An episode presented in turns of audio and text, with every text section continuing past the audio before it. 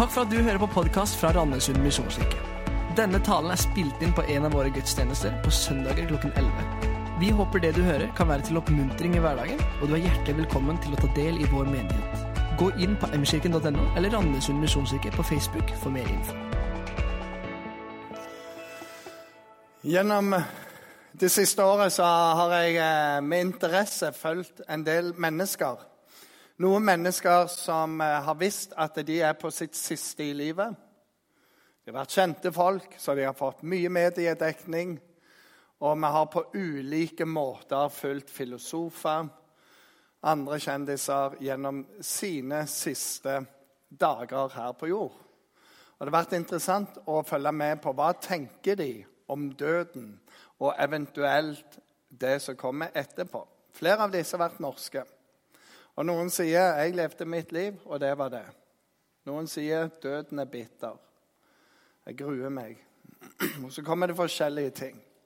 Samtidig så har jeg òg gjennom det siste året med veldig stor interesse fulgt mennesker. Det er idrettsstjerner, artister, kjendiser, politikere, andre som har opplevd at de har mista noen de er glad i. Foreldre, søsken, barn, og så skjer det noe. Idrettsstjerner tar en medalje.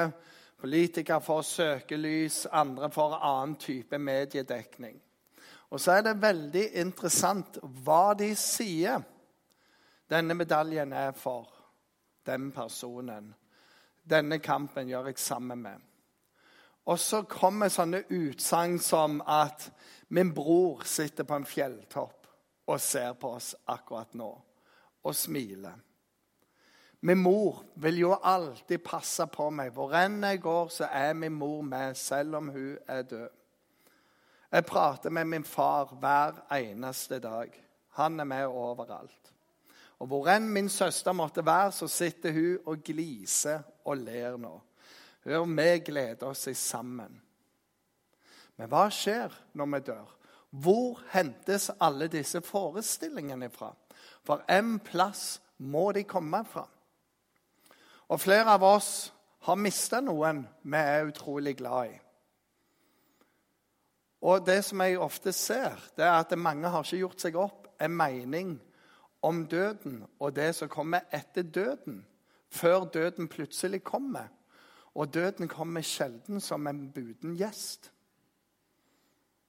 De få gangene da er det de som har venta på sin Jesus. Og endelig fikk de lov å komme hjem. Og vi vet de er der og har det så mye bedre. Vi henter jo våre tanker fra en plass. Og vi sier 'forfremma til herlighet'.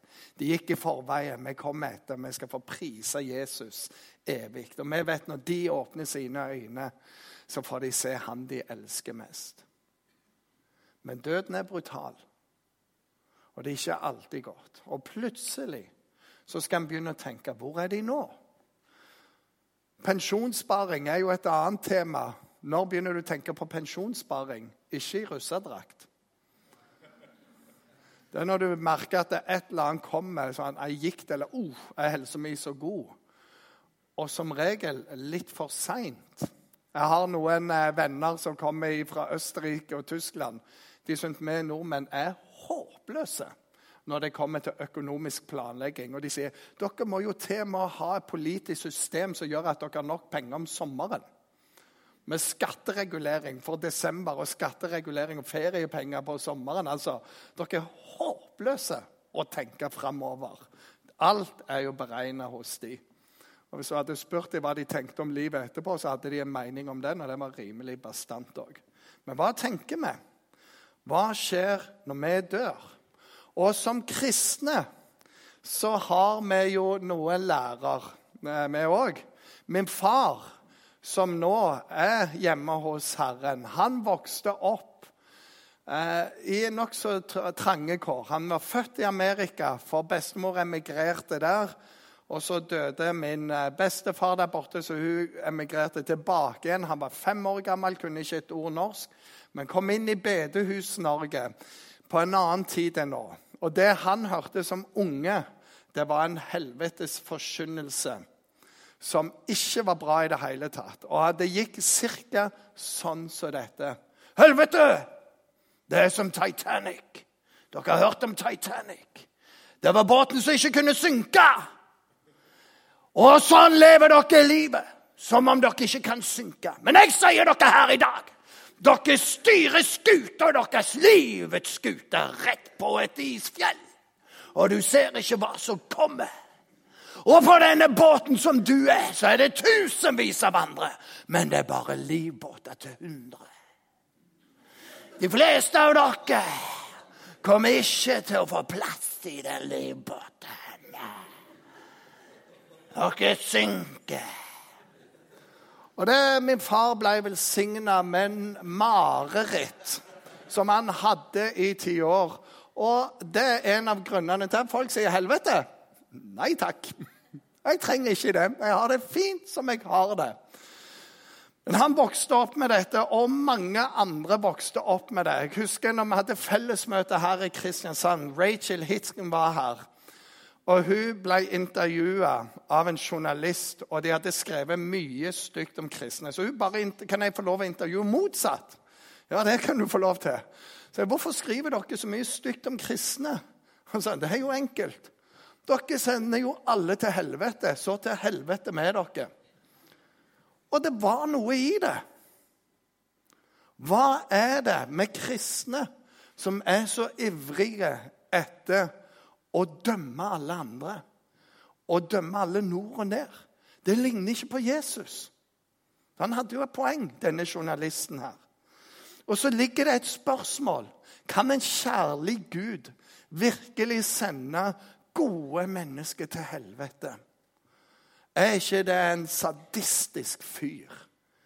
En hemgjerrig gubbe som ikke Ja, det er bare grusomt. Hvordan er dette? En kamerat av meg vokste opp 200 meter fra huset vårt. Vi tok litt forskjellig vei, for jeg begynte i Misjonskirka på Bryne, og han begynte i Hells Angels. Det var akkurat det motsatte.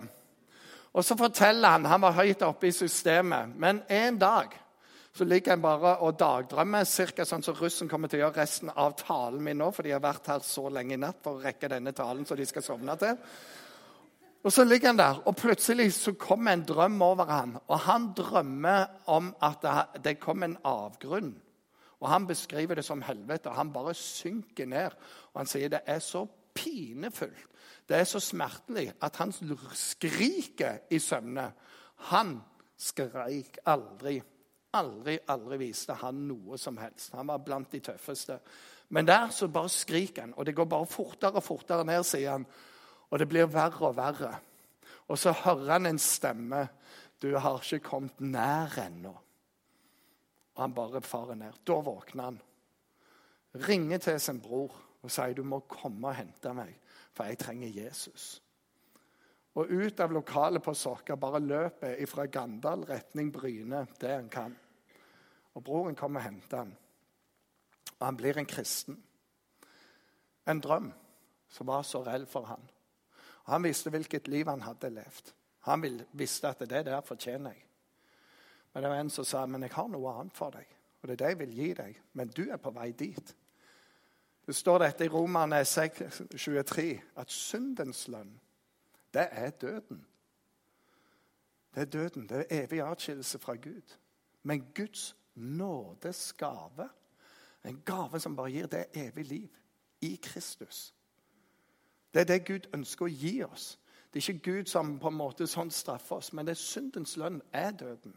Men Guds nådegave er evig liv.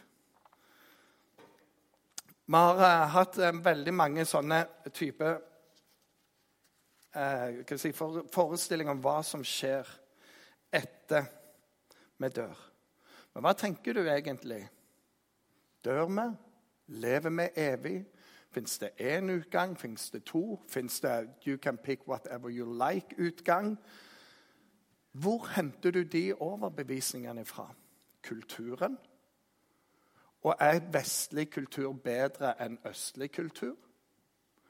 For når vi snakker off, når jeg tenker at folk skal stå opp til dom, så er det jo folk fra andre deler av verden som sier ja, det skal de. Rettferdigheten skal seire en dag. Og det gleder vi oss til. Gud skal få lov å dømme alle. Sannheten skal komme fram. De slavene som kom til Amerika på grusomt vis, de sang sine Negro spirituals. Og de sangene var vendt mot himmelen. En dag. En dag skal rettferdigheten seire. En dag skal jeg være fri fra dette slaveriet, og jeg skal prise min Jesus. Men hvor henter du det ifra? Jesus Jeg må jo si det at Jesus som sjøl sa Folkens, jeg kommer til å bli tatt til fange. De kommer til å torturere meg ca. sånn som dette her. Jeg kommer til å lide, jeg kommer til å dø. Men om tre dager da kommer jeg til å stå opp igjen. Han sa det, og så skjedde det. En sånn fyr som klarer å forutsi sin egen lidelse, død og oppstandelse, han er jo verdt å høre på hva annet han hadde å si. For han hadde ganske rett i en sånn ting som det. Her er en historie han forteller. Han sier det var en rik mann som kledde seg i purpur og fineste lin og levde i fest og luksus dag etter dag. Men utenfor porten hans lå det en fattig mann som heter Lasarus, full av verkende sår.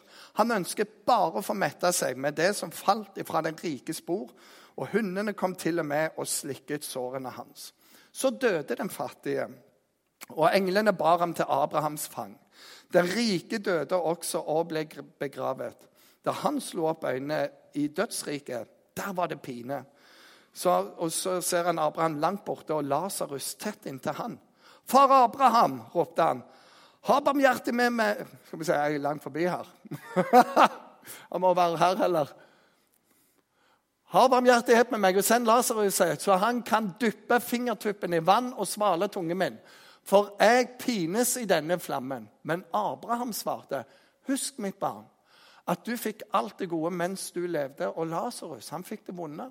Nå trøstes han her mens du er i pine. Dessuten er det lagt en dyp kløft mellom oss og dere, sånn at de som vil komme herfra over til dere, ikke skal kunne det. Og ingen skal kunne gå over fra dere til oss. Da sa den rike, så ber jeg deg, far, at du sender han til mine fem brødre hjemme hos min far for å advare dem, så ikke de òg skal komme til dette pinestedet. Men Abraham sa, de har Moses og profetene. De får høre på deg. Men han svarte nei, far Abraham. Men kommer det noen til dem fra de døde, vil de omvende seg. Abraham sa, hører de ikke på Moses og profetene? Lar de seg heller ikke overbevise om noen står opp fra de døde. Jesus forteller dette. Og det er interessant, for han snakker bare om den rike mann. Har ikke navn. For identiteten hans er ikke i hvem han er, men i hva han har. Det er alt han bryr seg om. Han jager penger. Penger er livet. Posisjon, makt, Alt den luksusen jeg kan ha tak i. Det er alt som betyr noe for ham. Og han har ikke et navn i denne historien, for navnet er mindre viktig enn pengene du får.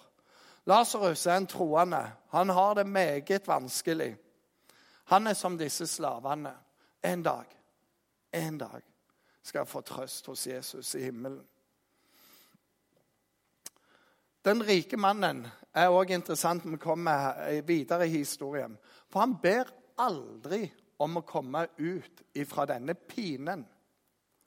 Aldri. Han bare sier, 'Kan du sørge for at han kan lindre alt det vonde her?' Og kan du sende han til å advare det? Han ber aldri om å komme ut ifra det. Og Noen som har sagt det sånn Helvete, det er bare alt ditt begjær multiplisert uendelig mange ganger. Så hvorfor vil ikke han vekk? Hvorfor vil han sende Lasarus? Hadde det ikke vært et større under hvis han sjøl kom tilbake igjen og sa Wow! Skal jeg fortelle dere noe? Jeg skal vise det med resten av livet mitt. Det er veldig interessant. Og dette han sier til slutt De lar seg heller ikke overbevise om noen står opp fra de døde. Jesus sikter til seg sjøl her. Han sto opp ifra de døde. Og noen tror på det til frelse og evig liv. Andre gjør det ikke. Jeg vil ha mitt liv. Jeg vil jage andre ting. Dallas Villa ble spurt om ja, hvem, hvem, kan komme til himmelen. Og Så sier han jeg er ganske så sikker på at alle som kan tåle himmelen, får lov å komme inn. De bare Hæ? Du kan tåle himmelen, så får du lov å komme inn. Så enkelt er det. Og da må du tenke hva er da himmelen? Hva er det som skjer i himmelen? For alle som kan tåle det, får lov å komme inn. Og så er det mange bilder av dette med eh, det som skjer etter døden. Helvete er ett ord. Evig pine. Der de gråter og skjærer tennene. Evig flamme. Fortapelse. Poenget er at slutten på livet er ikke slutten på deg. Slutten på livet er ikke slutten på oss. Det står at han har lagt evigheten ned i hjertene våre. Med avbilde av han. Og vi leser videre. I Lasarus-teksten så ser vi at livet har to utganger. En evighet med Gud eller en evighet borte fra Gud. Og Det lærer vi, og det tror vi. Og så kommer alle disse spørsmålene opp. og Jeg skal ta eh, noen av dem. Ja, men skal vi ikke bare dø? Når du dør, så dør du, og så er du ferdig med det. Og noen av de som har fulgt igjennom det siste året, de sier det. Ja, men vi bare dør. For utrolig mange av oss så blir livet meningsløst da. Da forstår jeg den rike mann. Hvorfor skal jeg leve moralsk og etisk når jeg ikke står til ansvar for noen?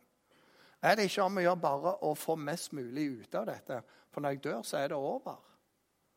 Det blir meningsløst. Står jeg ikke til ansvar for noen egentlig, bare for det som jeg syns er greit rundt? For jeg dør jo. De som opplever stor urett i livet, vil oppleve dette som ekstremt urettferdig. All den lidelse, all den smerte, skal de aldri stilles til ansvar. Skal ikke rettferdigheten seire en dag? Og vi tror det, at en dag skal rettferdigheten seire. Og, og dette, det er Noen som har sagt sånn dette alternativet det er jo helt genialt. For deg som voldtar, som dreper, som ødelegger, som er ondskapsfulle. For det er ferdig når det er ferdig. I did it my way, og jeg står ikke til ansvar utover det jeg sjøl definerer. Og i dette så er håpet om å leve videre radert bort. For jeg skal jo bare dø. Og jeg tror altfor mange vet bare det, men det, det kan bare ikke stemme. Det neste er alle kommer jo til himmelen til slutt.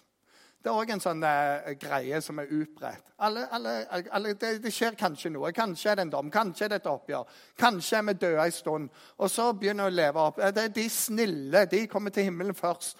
Og så skal alle få lov å komme inn i himmelen. Og så, OK, hva med de som ikke tror? Skal de til himmelen? Og det er jo veldig, Alle kommer til himmelen. Ja, hvilken himmel er det? Hva, hva er i himmelen? Hvem er i himmelen? Og så han, 'Jeg tror ikke på noe, men alle kommer til himmelen'. OK. Hva, hva er i himmelen? Ikke tro. Altså, Hva er i, i, himmelen, og hvem kommer der?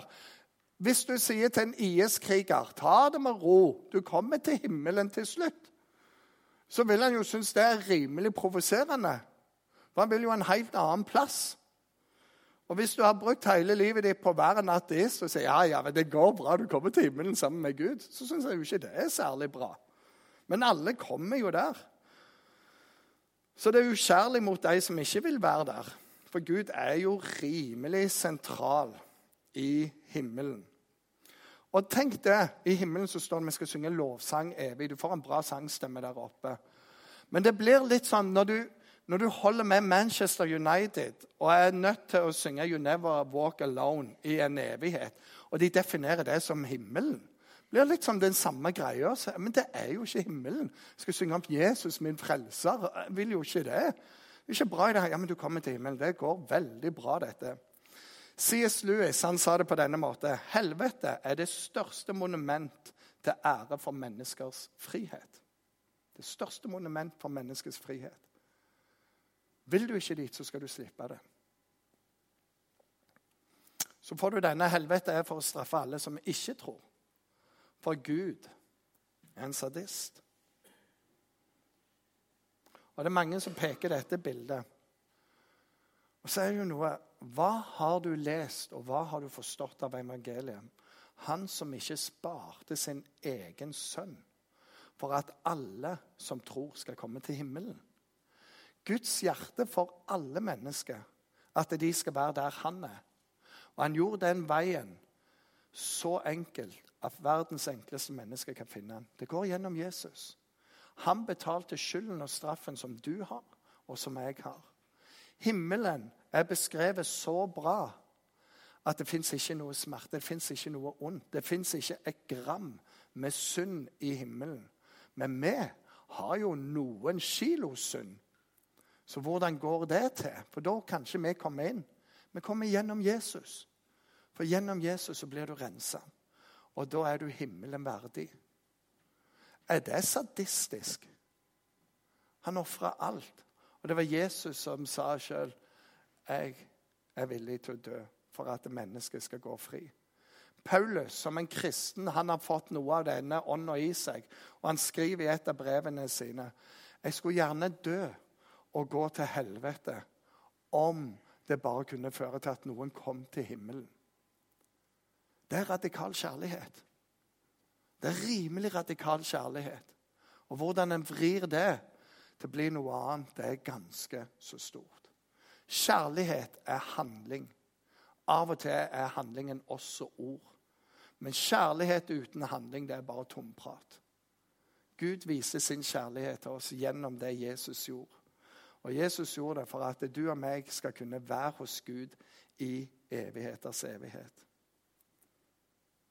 Dallas vil at han sier det.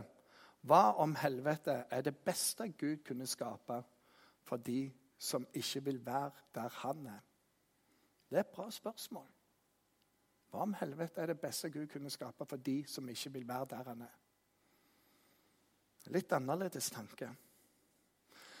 Og så har jeg en litt sånn eh, Hvis du har hørt Nytt på nytt, hvem skal være med, og hvorfor? Så hvem får være med, og hvem kan ikke være med i evigheten, egentlig? Og hva skal kriteriene for dette være? Hvem er gode nok? Og Hva er alternativet til det andre? Hvor skal grensene gå for hva som er akseptabelt og ikke? Og skal vi sette dem? Fordi når vi mister noen, når noen dør, så sier vi men det var jo bra menneske. Ja, men hva er kriteriene? Hva er kriteriene for bra nok? Og så kan vi begynne å ramse opp despot av folk som har gjort noe og sagt de skal ikke til helvete. Nei, til himmelen. Kanskje en annen plass. Ok, Men hvor går grensa for dette her? Hvem skal være med, hvem skal ikke? Arbeidskollega? Familie? Venner? Er det noe kriterier der? Despoter som Hitler eller grupper som IS? Naboen du krangler med over en eller annen hekk? Har lyst til å være i himmelen med den, eller? Og hvordan er det med oss som holder med Liverpool? Er det ikke sånn at vi har en sånn green card til himmelen òg? For vi vandrer jo aldri alene, synger vi. Sørlendinger, vil dere ha bergensere der? Og hva med jærbuer, som aldri slutter å arbeide? Dere får jo aldri fred. Hvem skal dit, og hvorfor? Og vi begynner å lage sånne systemer. Og så leser vi i Bibelen de som tror på Jesus, de kommer til himmelen. Det er Guds system. Ta imot Jesus som frelser og herre, så er du på vei til himmelen. Og det er noe her med at det går ikke på hvor, hvor flink du er. På Jæren har vi måttet slite med dette i utrolig mange tiår.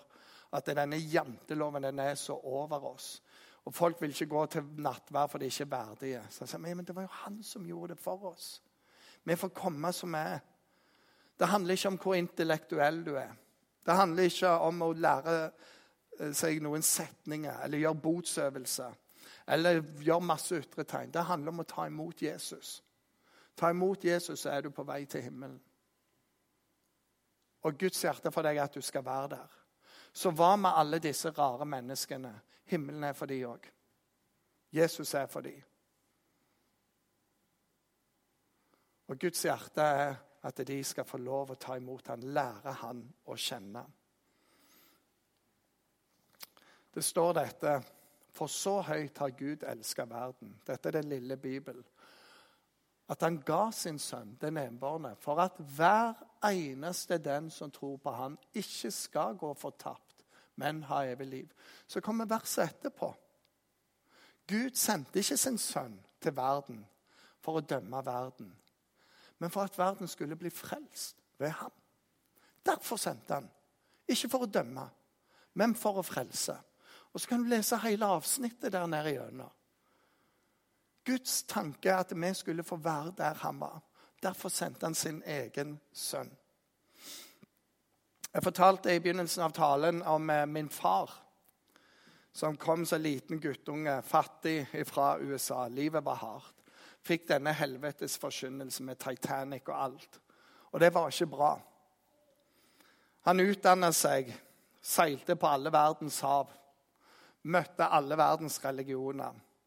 Og Gjennom livet så spurte jeg hva som er bedre med den kristne tro enn alt det andre. Hvordan har dere rett, og ikke med tydelig enn ikke-troende? Det var så mye vanskelig. Det var så mye som hadde møtt ham. Og mest av alt så satt helvetesforkynnelsen i. Med Titanic.